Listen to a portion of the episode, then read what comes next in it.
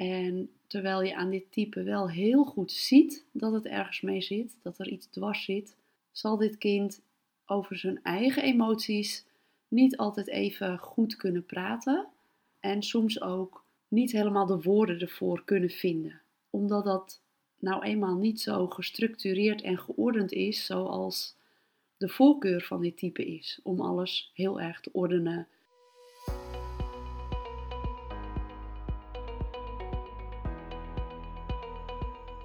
Na eerdere afleveringen over de vier temperamenten wil ik het vandaag met je hebben over het flegmatische temperament. En als je eerdere afleveringen gemist hebt, die gaan over vier temperamenten, dan raad ik je aan om aflevering 3 te luisteren, waarin ik een inleiding geef over de vier temperamenten. In aflevering 5 geef ik voorbeelden van het cholerische en het melancholische temperament. In aflevering 12 ga ik dieper in op het cholerische temperament. En in aflevering 29 geef ik een voorbeeld van een sanguinisch temperament als pleegzorgbegeleider. Dus ook die kan heel interessant zijn voor je, voordat je verder gaat met het luisteren van deze aflevering. Het flegmatische temperament. Kinderen of pleegouders met het flegmatische temperament of pleegzorgbegeleiders met het flegmatische temperament zijn verbonden aan het element water, waarmee ook de lente en kalmte zijn verbonden. We hebben het hier vaak over de mollige gezelligerd, die liever lui dan moe is. Dit type is een meester in efficiency, effectief lui zijn. Efficiënt lui zijn is misschien wel een beter woord.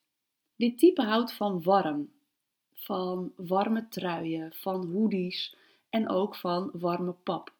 Maar omdat ze efficiënt lui zijn, en dat in combinatie met bijvoorbeeld warme pap in de ochtend, maakt dat ze rozig zijn, rozig worden en de hele dag eigenlijk niet meer echt op gang komen. Echte diesel die, nou, traag op gang komt. Dus na de warme pap doen ze waarschijnlijk de hele dag niets meer. Ze houden van goede kwaliteit en goede organisatie, van vaste gewoontes en voorspelbaarheid. En hij heeft het liefst dat je alles voor hem regelt. Het volwassen type van het flegmatische temperament kiest bijvoorbeeld voor een volledig georganiseerde en verzorgde reis, waarbij de kilometers, de reistijden, alles al uitgestippeld is. En die houdt niet van verrassingen. Dus kom niet als je met dit type in een groepsreis zit, in die georganiseerde reis, en je komt met het voorstel om uh, het programma om te gooien, dan is de kans dat je weerstand krijgt van dit flegmatische temperament is groot. Die zal weerstand geven, die houdt niet van verrassingen. Die houdt van de afspraken die gemaakt zijn en daar wil dit type je ook graag aan houden. Dit type is ook een goede observator, die alles beschouwt vanaf de zijlijn.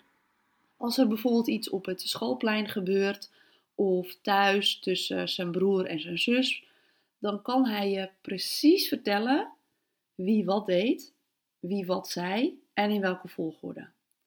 Hij is heel precies en heel nauwkeurig in die beschrijving en vaak ook een beetje emotieloos, zakelijk. Hij benoemt gewoon, die gaf een klap aan die, vervolgens zei die dat en die gaf die een duw en toen gebeurde er X, Y, Z.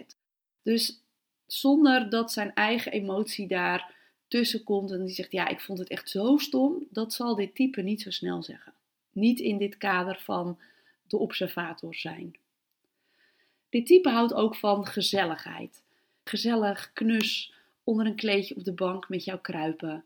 Of in een luie stoel zitten. Lekker onderuit. Echt lekker met zo'n uitgezakte bolle rug. En het is ook een rustige, soms houterige beweger. Dit type zal je niet zo snel zien in ballet of gym. Ja, je zal hem daar wel zien, maar je herkent hem daar wel aan zijn motoriek, die echt houterig is, die echt rustig is, uh, niet op de maat van de muziek bijvoorbeeld. Dus het kan best zijn dat het type kind toch kiest voor ballet of gym, omdat het daar nou, kennelijk toch een uitdaging in te leren heeft en dat toch wil proberen. Maar meestal zal dit periodiek zijn, omdat het er niet echt helemaal tot zijn recht zal komen. Als je dit type onterecht beschuldigt of pusht, kan deze behoorlijk woedend worden.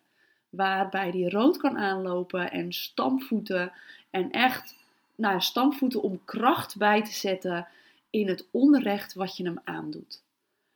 Het kind voelt zich dan absoluut niet gehoord, niet serieus genomen en zal daarin dus echt zijn onrecht laten horen. Nou, en wat ik al eerder zei, dit type is een echte diesel. Het komt rustig op gang, maar als het eenmaal op gang is, is dit type ook niet meer te stoppen.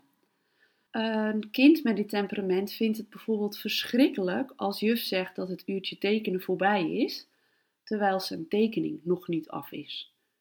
Dit type kan dan stoïcijns doorgaan met zijn tekening, terwijl de rest van de klas al om hem heen aan het opruimen is, de potloden van tafel haalt, uh, rumoerig eromheen loopt.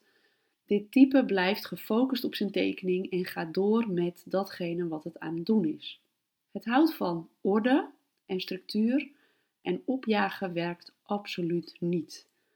Dus even het voorbeeld van die tekening. Als jij op het punt staat om de deur uit te gaan en jouw kind heeft dit temperament in zich, dan kun je op, je, op zijn kop gaan staan om snel te vertrekken. Als dit kind zijn klusje nog niet af heeft, of zijn tekening in dit geval, dan uh, zal opjagen eerder averechts werken dan uh, dat jij uh, snel met aangeklede kinderen met jassen en schoenen aan buiten staat. Dit type is ook een binnenvetter. Hij ziet, hoort en beleeft alles, neemt alles in zich op. En de uitdaging is ook om kinderen met dit temperament te laten praten, vragen te stellen en vooral te luisteren naar wat dit kind nodig heeft van jou. Kan ontzettend veel oppotten. En terwijl je aan dit type wel heel goed ziet dat het ergens mee zit, dat er iets dwars zit, zal dit kind over zijn eigen emoties niet altijd even goed kunnen praten en soms ook niet helemaal de woorden ervoor kunnen vinden, omdat dat nou eenmaal niet zo gestructureerd en geordend is zoals de voorkeur van dit type is, om alles heel erg te ordenen, duidelijk, gestructureerd en dat. En dat werkt met emoties natuurlijk heel anders. Met gevoelens werkt dat anders. En daardoor krijgt dit kind er niet altijd grip op en zal het moeilijk vinden om hier openheid over te geven. Dus vooral luisteren naar wat dit kind nodig heeft van jou. En dat zal dus niet altijd zijn luisteren in de zin van dat het kind vertelt wat het nodig heeft, maar ja, tussen de regels door luisteren. En soms is dit genoeg, alleen dat luisteren, luisterende oor in geborgenheid, in de veilige setting die pleegouders neerzetten voor dit pleegkind bijvoorbeeld. Maar nou ja, wees er alert op dat dit type al snel de indrukken van buitenaf opslaat en oppot. De kernwoorden voor de flegmaticus zijn kalmte, diesel, efficiënt, orde, structuur en observator. En in een volgende podcastaflevering ga ik dieper in op: oké, leuk die vier temperamenten, maar er spelen natuurlijk ontzettend veel vraagstukken binnen pleegzorg. Als we kijken naar pleegkinderen, naar gedrag wat gerelateerd is of uh, veroorzaakt wordt door de trauma's die het heeft meegemaakt, uh, past bij de hechtingstoornis die zij hebben opgelopen. En hoe maak je dan die vertaalslag van die diepgaande problematiek naar de simpelheid van de vier temperamenten? En in de volgende aflevering zal ik je vertellen hoe je die vertaalslag kunt maken, waardoor dit zo ontzettend bruikbaar is binnen pleegzorg, binnen jouw vak, binnen jouw coachende begeleiding van de pleeggezinnen. Tot zover het flegmatische temperament en ik zie je graag in een volgende podcastaflevering.